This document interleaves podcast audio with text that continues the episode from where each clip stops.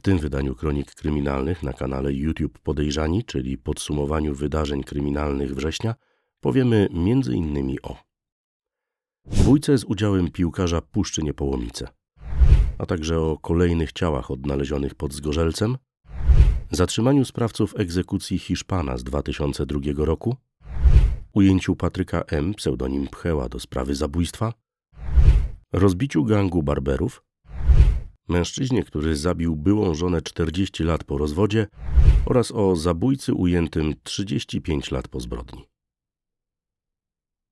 Na początek zachęcamy Was do zasubskrybowania naszego kanału i kliknięcia ikony dzwonka, abyście zawsze byli na bieżąco z najnowszymi wiadomościami kryminalnymi. Poczytacie o nich także na naszym nowym portalu podejrzani.pl i podyskutujecie na Discordzie kryminalne opowieści. Linki znajdziecie w opisie tego odcinka.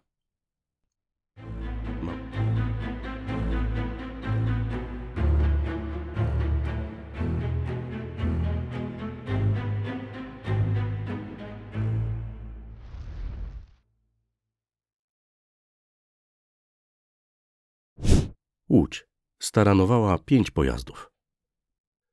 W poniedziałek 29 sierpnia bieżącego roku w godzinach popołudniowych na jednym z osiedli w centrum Łodzi kobieta za kółkiem Forda Fiesty staranowała pięć samochodów. Do zdarzenia doszło w poniedziałek 29 sierpnia około godziny 17 na osiedlu przy ulicy Gołębiej w Łodzi.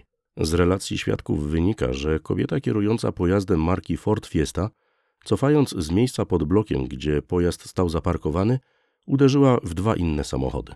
Dalej, jadąc już do przodu osiedlową uliczką przy kolejnym bloku, staranowała jeszcze trzy auta.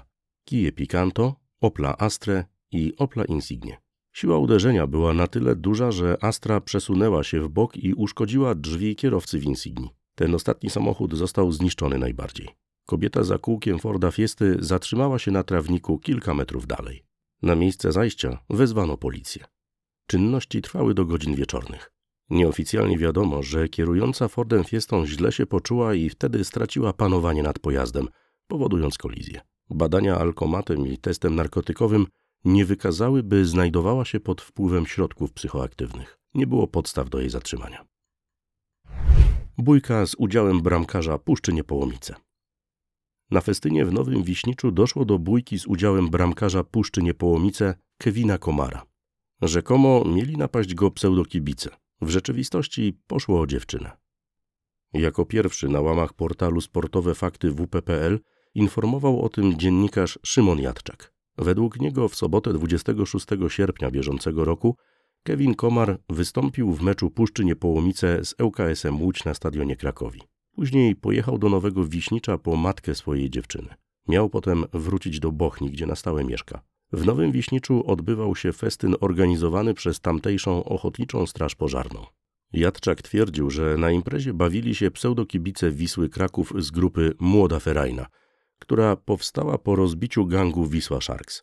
O młodej Ferajnie było głośno przy okazji kilku brutalnych napaści w środowiskach kibolskich. Zdaniem Szymona Jadczaka pseudokibice mieli rozpoznać Kevina Komara i mu grozić. Doszło też do bójki, którą przerwali strażacy. Wszystko dlatego, że w czerwcu Puszcza Niepołomice wygrała z Wisłą Kraków mecz o awans do Ekstraklasy 4 do 1, a bramkarz zaliczył wtedy dwie asysty.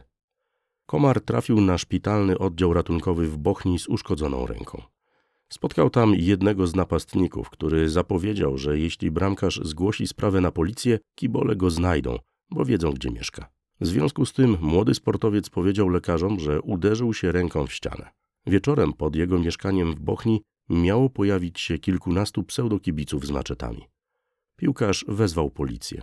Do sprawy odniosła się Puszcza Niepołomice, która potępiła agresję i przemoc, zapowiadając pełne wsparcie dla swojego zawodnika.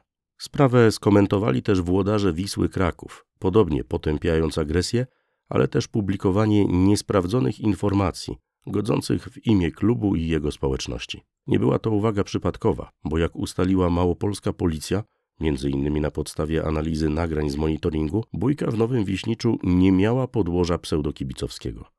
Jak ustalili reporterzy RMFFM, Kevin Komar pojechał razem ze swoją dziewczyną na festyn do Nowego Wiśnicza. Tam spotkali jej byłego partnera. Między mężczyznami doszło do kłótni i bójki, którą przerwali inni uczestnicy festynu. Bramkarz trafił do szpitala ze złamanym palcem, a drugi mężczyzna z urazem szczęki. Trwają dalsze czynności wyjaśniające. Nieoficjalnie. Kolejne ciała ujawnione pod Zgorzelcem. Jak wiadomo nieoficjalnie, śledczy mieli pod Zgorzelcem ujawnić kolejne jedno lub dwa ciała ofiar porachunków gangów przemytniczych z lat 90. Informacje te przekazał dziennikarz wrocławskiej Gazety Wyborczej Marcin Rybak. Według jego wiadomości zwłoki mogły być rozpuszczone w kwasie lub rozdrobnione w maszynie do cięcia gałęzi. Jedna z osób związanych ze sprawą miała zdecydować się na współpracę z prokuraturą i przyjąć status świadka koronnego. Z naszych ustaleń niepotwierdzonych przez oficjalne źródła wynika, że śledczy poszukiwali szczątków gangsterów o pseudonimach Ślis oraz Pawko, a także niejakiego Chrząkala, związanego w latach 90. z Nikodemem S., pseudonim Nikoś. To właśnie zwłoki Chrząkala miały zostać rozdrobnione w maszynie do cięcia gałęzi. Możliwe zatem, że funkcjonariusze odnaleźli teraz właśnie jego ciało. Przypomnijmy, że to nie pierwszy sukces śledczych w tej sprawie. CBŚP w kwietniu bieżącego roku w lesie w Jędrzychowicach pod Zgorzelcem odnalazło po pracach ziemnych ciało mężczyzny zaginionego w lipcu 1997 roku. Został on zastrzelony. Miał ręce skute kajdankami, a zwłoki przysypano kilkumetrową warstwą wapna, ziemi i liści. Z naszych informacji wynika, że zamordowanym był Grzegorz J. ze Zgorzelca, który w momencie zaginięcia miał 28 lat. Do sprawy w lipcu bieżącego roku na Mazowszu zatrzymano Jarosława J., pseudonim Jakubek, a w hiszpańskim Alicante Ryszarda M., pseudonim Azja. Obaj w latach 90. najpierw współpracowali, a po rozłamie wśród tamtejszych przemytników Jakubek stanął po stronie Jacka B., pseudonim Lelek, zaś Azja po stronie swojego brata Zbigniewa M., pseudonim Carrington, nazywanego królem przemytników spirytusu. Ryszard M. został już sprowadzony do Polski. W ostatnim czasie przedłożono wobec niego środek zapobiegawczy w postaci tymczasowego aresztowania do 8 listopada. Ciąży na nim zarzut udziału w zabójstwie, za co grozi mu dożywotnie pozbawienie wolności. Interwencja wobec dwudziestolatki w Sopocie. Jest komentarz policji. 14 sierpnia bieżącego roku nad ranem policjanci interweniowali na jednej z ulic w Sopocie wobec dwudziestoletniej kobiety. Podczas próby doprowadzenia jej do radiowozu stawiała opór. Wyrywała się, płakała i krzyczała. Nie zabrakło też wulgaryzmów. Zajście sfilmowali świadkowie zdarzenia, a nagranie niedawno trafiło do sieci. Wynika z niego, że niemal wszyscy zgromadzeni stanęli w obronie dwudziestolatki. Część z nich sama używała wulgarnych słów. Niektórzy podpowiadali też kobiecie, co powinna odpowiadać funkcjonariuszom. Patrol wezwał posiłki. Dziennik Fakt uzyskał komentarz przedstawicieli Komendy Miejskiej Policji w Sopocie do sprawy. Powodem interwencji wobec dwudziestolatki było zakłócanie przez nią porządku. Kobieta była pod wpływem alkoholu. Podała policjantom nieprawdziwe dane oraz odmówiła podania daty urodzenia, co zgodnie z obowiązującymi przepisami stanowi wykroczenie. Po wytrzeźwieniu dwudziestolatka została przesłuchana. Przedstawiono jej zarzuty dotyczące naruszenia nietykalności cielesnej i znieważenia funkcjonariuszy. Podejrzana przyznała się do winy. Zwłoki dwójki małych dzieci w Opolu. Zabójstwo. W jednym z mieszkań w Opolu znaleziono ciała trzyletniego chłopca i jego czteroletniej siostry. Prokuratura potwierdziła, że było to zabójstwo. We wtorek 29 sierpnia około godziny 17 funkcjonariusze policji otrzymali informację o odnalezieniu ciał dwójki dzieci w mieszkaniu na osiedlu w Opolu Czarnowąsach. W miejscu zdarzenia przebywała także ich matka z raną ciętą szyi. W ciężkim stanie trafiła do szpitala. Obecnie jej życiu nie zagraża niebezpieczeństwo. Prokuratura potwierdziła, że charakter obrażeń ujawnionych na zwłokach trzylatka i czterolatki wskazuje na zabójstwo. W sprawie nikt nie usłyszał jeszcze zarzutów. Śledczy przesłuchali pierwszych świadków. Prowadzą dalsze czynności. Wpadli gangsterzy podejrzani o zabójstwo Hiszpana z 2002 roku. Policjanci ze stołecznego archiwum X zatrzymali podejrzanych o zabójstwo Krzysztofa K., pseudonim Hiszpan, z 2002 roku w ramach gangsterskich porachunków. 20 września 2002 roku około godziny 21 w restauracji przy ulicy Ząbkowskiej na warszawskiej Pradze Północ dwóch sprawców z broni automatycznej otworzyło ogień do Krzysztofa K., pseudonim Hiszpan. dawnego ochroniarza Wiesława N., pseudonim Wariat, uchodzącego obok dziada za lidera gangu Ząbkowsko-Praskiego. Sprawcy zamachu zdołali uciec. Śledczy operacyjnie wiedzieli, że to odwet ze strony tzw. Tak grupy grochowskiej za inną egzekucję, do której doszło kilka tygodni wcześniej pod siłownią na Tarchominie. Brakowało jednak dowodów, które pozwoliłyby na przedstawienie zarzutów i skazanie sprawców. W 2020 roku specjaliści ze Stołecznego Archiwum X wraz z prokuratorami przeanalizowali raz jeszcze całość zebranych materiałów i wykonali rebadania laboratoryjne, wykorzystując nowoczesne technologie. To pozwoliło na wystawienie międzynarodowego listu gończego za jednym z podejrzanych, którego zatrzymano potem na Ukrainie. W lipcu sprowadzono go do Polski. Drugi z podejrzanych wpadł 9 sierpnia bieżącego roku w Warszawie w swoim miejscu pracy. Mężczyźni usłyszeli zarzuty udziału w zabójstwie oraz zorganizowanej grupie przestępczej o charakterze zbrojnym. Zostali tymczasowo aresztowani. Grozi im dożywotnie pozbawienie wolności. Sprawa jest rozwojowa. Funkcjonariusze nie wykluczają kolejnych zatrzymań. BMW wjechało w kobietę i dziecko na przejściu dla pieszych. 27-latek za kierownicą BMW wjechał na czerwonym świetle na przejściu dla pieszych przy ulicy Lubelskiej w Puławach w matkę z trzyletnim dzieckiem. Gdy na przejściu dla pieszych zapaliło się zielone światło, przechodnie ruszyli, by wejść na jezdnię. Wśród nich była 22-letnia matka z trzyletnim synkiem. Nagle wjechało w nich rozpędzone BMW, za kierownicą którego siedział 27-latek. Siła uderzenia dosłownie wyrzuciła kobietę z dzieckiem w powietrze. Po zdarzeniu oboje trafili do szpitala z poważnymi obrażeniami. Kierowca BMW został zatrzymany. Był trzeźwy. Pobrano od niego materiał do badania na obecność innych substancji psychoaktywnych. Wpadł Pcheła, poszukiwany do sprawy zabójstwa. Funkcjonariusze CBŚP z Radomia zatrzymali Patryka M., pseudonim Pcheła. Był poszukiwany przez brytyjskie służby do sprawy zabójstwa.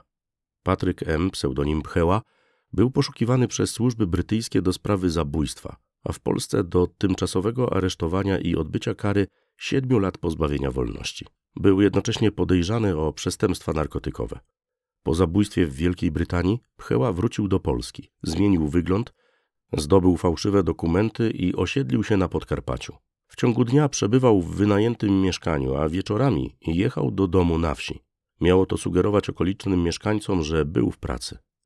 W jego zatrzymaniu brali udział policyjni kontrterroryści. Podczas działań zabezpieczono 176 krzewów konopi i 20 kg marihuany. Zlikwidowana plantacja mogła posłużyć do produkcji środków odurzających nawet z 500 krzewów ziela. Taka ilość, zdaniem śledczych, szacunkowo mogłaby przynieść milion złotych dochodu rocznie. Prokuratura bada wypadek ministra zdrowia. W miejscowości Lutogniew, nieopodal Krotoszyna, doszło do wypadku. Minister zdrowia Katarzyna Sujka potrąciła tam rowerzystę. Zdarzenie miało miejsce w sobotę 2 września bieżącego roku po godzinie 13 na drodze w miejscowości Lutogniew w okolicach Krotoszyna. 37-letnia minister zdrowia Katarzyna Sujka w czasie prywatnym i poruszając się prywatnym samochodem potrąciła 69-letniego rowerzystę. Wstępne ustalenia wskazują, że mężczyzna jechał ścieżką rowerową, ale w pewnym momencie wjechał na przejście dla pieszych. Początkowo media informowały, że rowerzysta odniósł jedynie powierzchowne obrażenia. Potem okazało się, że musi być hospitalizowany powyżej siedmiu dni. W związku z tym sytuacja będzie kwalifikowana jako wypadek. Funkcjonariusze policji przeprowadzili na miejscu oględziny i badanie na obecność alkoholu we krwi uczestników zdarzenia. Nie mieli do wyników żadnych uwag. Sprawą zajęła się prokuratura. Przesłuchiwani są świadkowie. Ukrywał się 16 lat. Wpadł przechodząc w niedozwolonym miejscu. Na stołecznej Białołęce policjanci zatrzymali mężczyznę, który od 16 lat ukrywał się przed organami ścigania. 58-latka przechodzącego w niedozwolonym miejscu zauważyli funkcjonariusze patrolujący ulicę Głębocką. Gdy przystąpili do legitymowania mężczyzny, ten twierdził, że nie ma przy sobie dokumentów i nie pamięta swojego numeru PESEL. To wzbudziło czujność policjantów. Udali się więc do miejsca, w którym 58-latek tymczasowo mieszkał. Zastana tam przez nich kobieta podała takie samo imię i nazwisko mężczyzny, jakim on sam się przedstawił. To nie rozwiało wątpliwości mundurowych, dlatego postanowili zabrać 58-latka do komendy. Tam zdecydował się podać swoje prawdziwe dane. Po ich weryfikacji w policyjnych bazach okazało się, że mężczyzna był poszukiwany od 2007 roku dwoma listami gończymi i europejskim nakazem aresztowania. Otrzymał karę grzywny za przejście w miejscu niedozwolonym, a potem trafił do aresztu. Zabójca Adamowicza chce łagodniejszej kary. Obrońca Stefana Wilmonta, skazanego na dożywotnie pozbawienie wolności za zabójstwo prezydenta Gdańska Pawła Adamowicza, składa apelację. Do zdarzenia doszło 13 stycznia 2019 roku około godziny 20 w Gdańsku podczas finału Wielkiej Orkiestry Świątecznej Pomocy. Pomimo obecności ochrony, Stefan Wilmont wtargnął na scenę przy targu węglowym, na której znajdował się prezydent Gdańska Paweł Adamowicz i trzykrotnie ugodził go nożem. Choć przeprowadzono reanimację, a po przewiezieniu Adamowicza do szpitala także operację ratującą życie i podłączono go do aparatury zastępującej pracę płuc i serca, następnego dnia prezydent Gdańska zmarł. Stefan Wilmont w marcu bieżącego roku usłyszał nieprawomocny wyrok dożywotniego pozbawienia wolności w systemie terapeutycznym, z możliwością ubiegania się o przedterminowe zwolnienie nie wcześniej niż po 40 latach odbywania kary oraz opinii lekarskiej. Podczas procesu ustalono, że w chwili zabójstwa Wilmont nie miał ograniczonej poczytalności. Sąd uznał też, że jego działanie było przygotowane, przemyślane, a on sam zdeterminowany. Teraz obrońca Stefana Wilmonta składa apelację podkreślając, że wraz ze skazanym nie zgadzają się z wyrokiem Sądu Okręgowego w Gdańsku. Szerzej komentować sprawę będą dopiero po orzeczeniu sądu drugiej instancji. Akt oskarżenia w sprawie afery Getback. Prokuratura Regionalna w Warszawie skierowała do Sądu Okręgowego w Katowicach akt oskarżenia przeciwko 15 osobom w ramach afery Getback. Oskarżeni to byli pracownicy Idea Bank SA. Ciążą na nich zarzuty popełnienia 23 przestępstw oszustw przy bezpośredniej sprzedaży obligacji Getback SA. W ten sposób 301 klientów banku miało ponieść szkody na łączną kwotę przeszło 58 milionów złotych. Proceder miał polegać na podrabianiu dokumentów elektronicznych, a następnie świadczeniu doradztwa inwestycyjnego, a także oferowaniu i sprzedaży obligacji bez wymaganego zezwolenia Komisji Nadzoru Finansowego oraz ujawniając tajemnicę bankową. To już szósty akt oskarżenia w aferze Getback. W sprawie występuje już ponad 50 oskarżonych. Jeden z nich pozostaje w areszcie. Na poczet przyszłych kar zabezpieczono mienie o wartości 5 milionów złotych. Gang barberów rozbity. Porwali dla okupu. Śledczy rozbili grupę przestępczą odpowiedzialną m.in. za porwanie biznesmena z Wielkopolski. Wśród zatrzymanych są współwłaściciele salonu barberskiego. Na początku lutego 2021 roku podejrzani mieli porwać biznesmena z województwa wielkopolskiego. Po wyjściu z domu mężczyznę zaatakowały trzy osoby przebrane za funkcjonariuszy policji. Mieli przy sobie przedmiot przypominający broń. Wepchnęli biznesmena do samochodu, związali i wywieźli do lasu. Ofiara była bita i zastraszana. Grożono jej śmiercią. Przedsiębiorca w obawie o własne życie ujawnił napastnikom, gdzie trzyma pieniądze. Wtedy odzyskał wolność i przez pola dotarł do sklepu spożywczego, z którego wezwał pomoc. W tym czasie podejrzani udali się do miejsca wskazanego przez porwanego, skąd zabrali walizkę zawierającą ponad 2 miliony złotych w gotówce. Śledczy dokonali pierwszych zatrzymań w sprawie na początku 2022 roku. Później wpadły jeszcze dwie osoby, a w sierpniu bieżącego roku pozostała część grupy. Łącznie to 10 podejrzanych. Wśród nich znaleźli się współwłaściciele i pracownik salonu barberskiego. Większość była wcześniej karana. Teraz usłyszeli zarzuty udziału w zorganizowanej grupie przestępczej, porwania dla okupu, kwalifikowanego wymuszenia rozbójniczego, rozboju z przedmiotem przypominającym broń i podżegania do kwalifikowanego zabójstwa. Przy dwóch osobach ujawniono narkotyki, w związku z czym przedstawiono im też zarzuty w tym zakresie. Podejrzanym o udział w gangu barberów grozi nawet dożywotnie pozbawienie wolności. Zostali tymczasowo aresztowani. Sprawa ma charakter rozwojowy. Nie są wykluczone kolejne zatrzymania. Zlikwidowany szlak przemytniczy z USA. KAS przejmowała przesyłki z marihuaną, a CBŚP i CBZC ustalało członków gangu.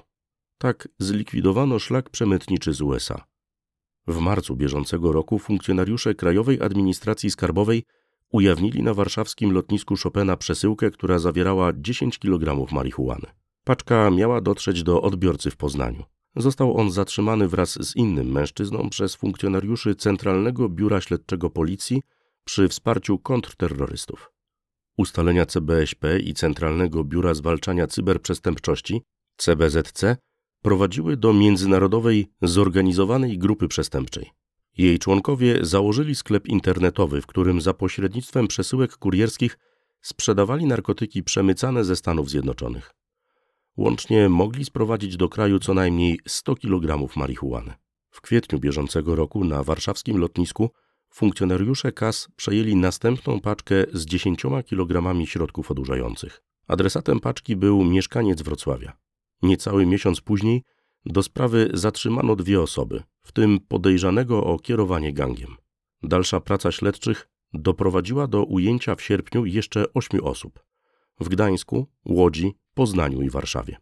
W postępowaniu występuje dwunastu podejrzanych. Prokurator wystąpił wobec wszystkich z wnioskami o tymczasowe aresztowanie. Podczas działań zabezpieczono 20 kg marihuany i 50 tysięcy złotych w gotówce. Sprawa jest rozwojowa. Nie wyklucza się kolejnych zatrzymań. Zabił byłą żonę 45 lat po rozwodzie. Funkcjonariusze policji zatrzymali mężczyznę podejrzanego o zabójstwo 71-latki. Ofiara to jego była żona. Rozwiedli się 45 lat temu. W sobotę 2 września bieżącego roku mieszkaniec gminy Krajenka poinformował policję w Złotowie o ujawnieniu zwłok 71-letniej kobiety w jej mieszkaniu na terenie miejscowości Paruszka. Przeprowadzona w środę sekcja zwłok potwierdziła wstępne ustalenia, że było to zabójstwo. Do zgonu doprowadził postrzał w głowę. Jeszcze tego samego dnia zatrzymano podejrzanego. Okazał się nim 85-letni Jerzy B. Przyznał się do winy i opisał, jak doszło do zbrodni. Mężczyzna swoją ofiarę zastrzelił z własnoręcznie wykonanej broni, którą następnie wyrzucił. Motywem zbrodni były wydarzenia sprzed 45 lat.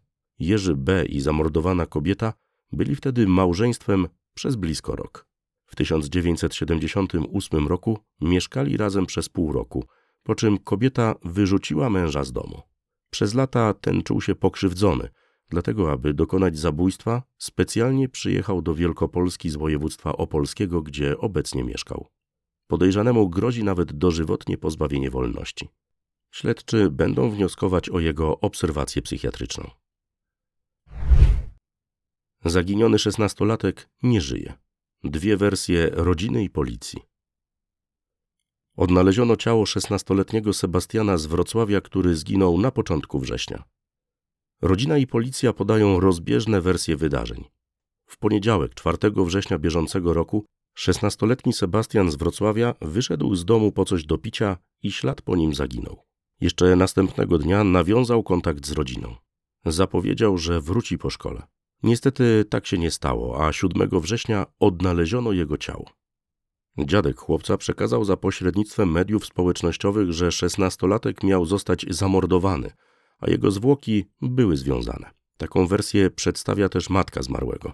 Policja natomiast zaprzecza. Do tej pory nie potwierdzono, by do zgonu doszło przy udziale osób trzecich.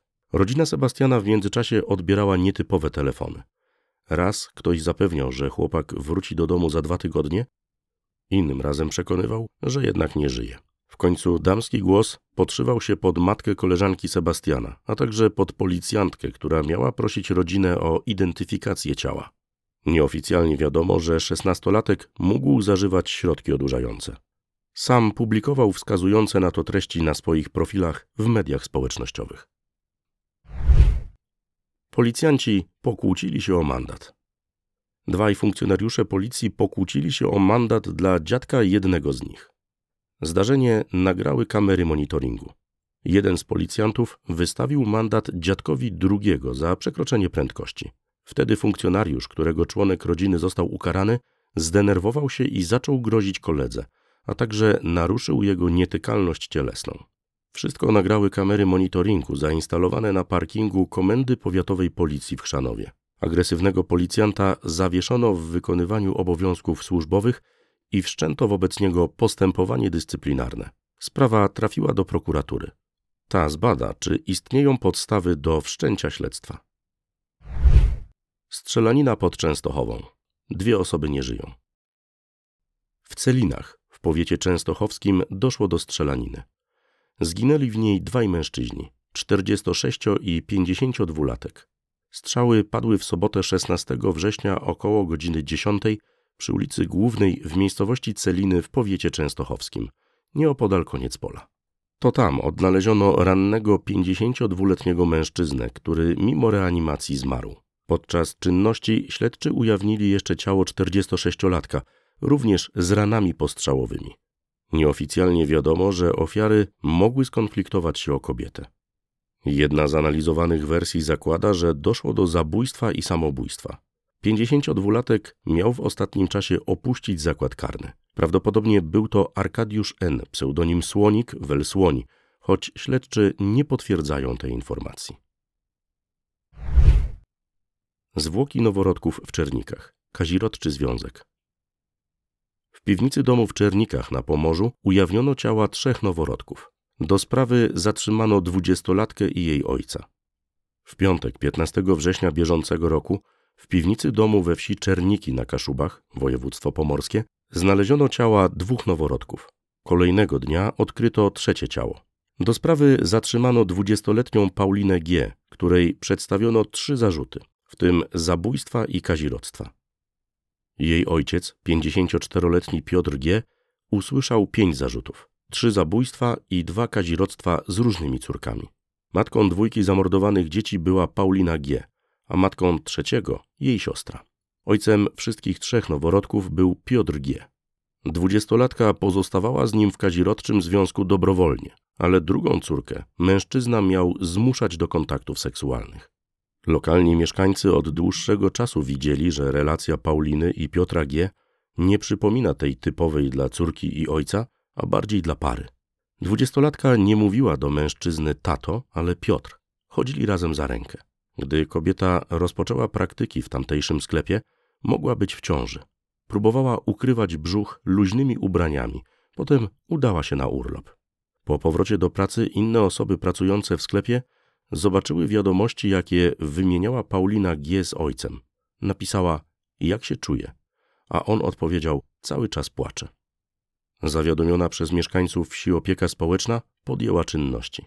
To ostatecznie doprowadziło do makabrycznego odkrycia. Wypłynęły zdjęcia po eksplozji w komendzie głównej policji.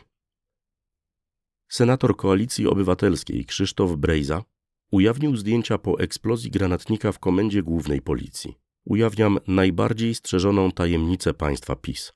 Te zdjęcia nigdy nie miały ujrzeć światła dziennego.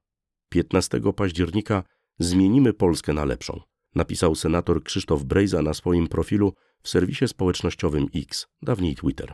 Do wpisu dołączył zdjęcia po eksplozji granatnika w komendzie głównej policji. Przypomnijmy, że do wybuchu doszło w połowie grudnia ubiegłego roku. To wtedy w pomieszczeniu sąsiadującym z gabinetem komendanta głównego policji, generała Jarosława Szymczyka, eksplodował jeden z prezentów, który otrzymał on podczas wizyty na Ukrainie granatnik przeciwpancerny. Początkowo służby informowały, że granatnik miał być rozbrojony i przerobiony na głośnik. Generał Szymczyk otrzymał w sprawie status pokrzywdzonego. Nie złożył wniosku o dymisję. Śledztwo prokuratury wciąż trwa. Zaginiony 16-letni Krzysztof udał się na wędrówkę? 16-letni Krzysztof Dymiński zaginął pod koniec maja. Ostatnio prawdopodobnie był widziany w różnych miejscach. Możliwe, że udał się na wędrówkę szlakiem świętego Jakuba.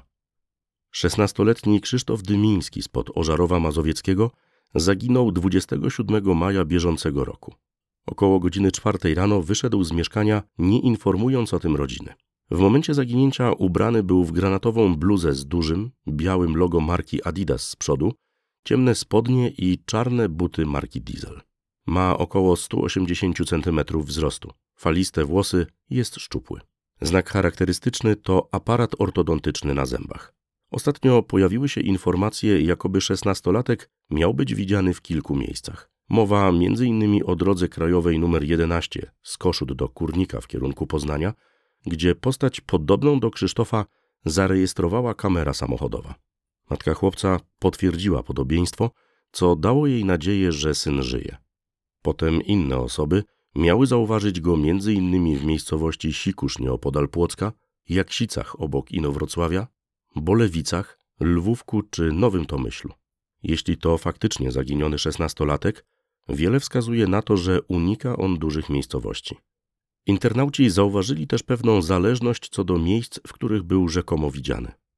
Możliwe, że wędruje on tak zwanym szlakiem świętego Jakuba, prowadzącym do jego grobu w hiszpańskim Santiago de Compostela. Zabójca wpadł po 35 latach przez czapkę. Policjanci z lubelskiego archiwum X zatrzymali 60-latka podejrzanego o zabójstwo, do którego doszło 35 lat temu. Wpadł, bo jechał pijany samochodem, a gdy go zatrzymano, pobrano od niego odciski palców i materiał DNA. Badania genetyczne wykazały zgodność ze śladami zabezpieczonymi na czapce, którą w 1987 roku zabójca pozostawił na miejscu zbrodni. Do zabójstwa doszło 24 listopada 1987 roku w kolonii Bychawce B, dziś kolonia Bychawce II, w gminie Bychawa. Ciało 52-letniej, zakrwawionej i częściowo rozebranej kobiety z ranami kłutymi ujawniono kolejnego dnia rano nieopodal drogi. Ofiara broniła się. Nie stwierdzono, by została zgwałcona. Na miejscu zdarzenia zabezpieczono liczne ślady, w tym czapkę, którą mógł pozostawić sprawca. Przesłuchania lokalnych mieszkańców niewiele dały. Nie było też wówczas technicznej możliwości pobrania i porównania materiału DNA ze śladami zabezpieczonymi na czapce. Z czasem sprawę umorzono z powodu niewykrycia sprawcy. Tymczasem jesienią 2021 roku policjanci z Bychawy zatrzymali do kontroli drogowej w miejscowości Zdrapy, sąsiadującej z kolonią Bychawce II, mężczyznę jadącego skuterem. Funkcjonariusze mieli podejrzenie, że mógł on znajdować się pod wpływem alkoholu. Ich przypuszczenia potwierdziły się. Miał on 1,5 promila alkoholu w organizmie i orzeczony zakaz prowadzenia pojazdów mechanicznych. W przeszłości pod wpływem alkoholu prowadził już ciągnik rolniczy. Pobrano od niego odciski palców i materiał DNA, który po wprowadzeniu kilka miesięcy później do policyjnej bazy danych wykazał zgodność ze śladami zabezpieczonymi na czapce z miejsca zbrodni. W związku z tym 60-latek usłyszał zarzut zabójstwa i został tymczasowo aresztowany na trzy miesiące. Grozi mu kara do 25 lat albo dożywotniego pozbawienia wolności.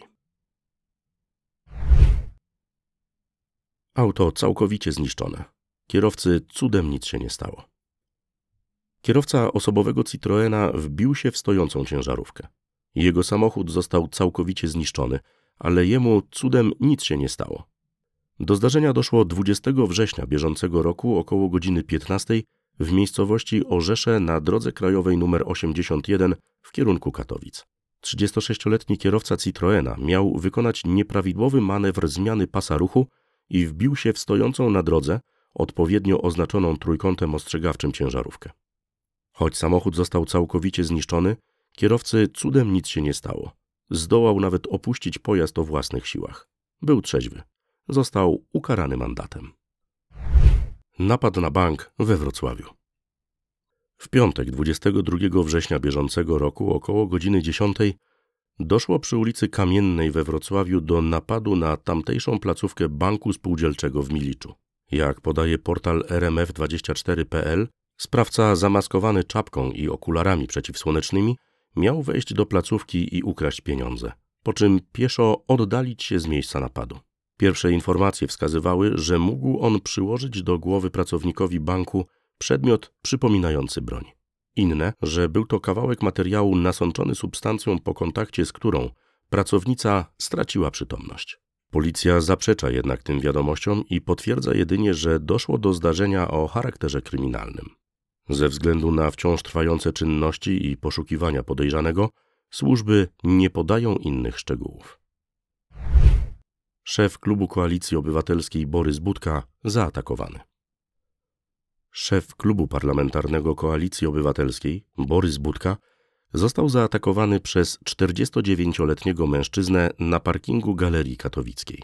Sprawca najpierw miał spotkać Borysa Budkę w sklepie, gdzie go obrażał, wyzywając m.in. ty Niemcu czy ty nazisto. Polityk opuścił sklep. Potem agresor miał podejść do niego na parkingu podziemnym Galerii Katowickiej. Gdy Budka był już w swoim samochodzie, 49-latek znów ubliżał parlamentarzyście, ale też posunął się o krok dalej. Uderzył go i wytrącił mu z ręki telefon.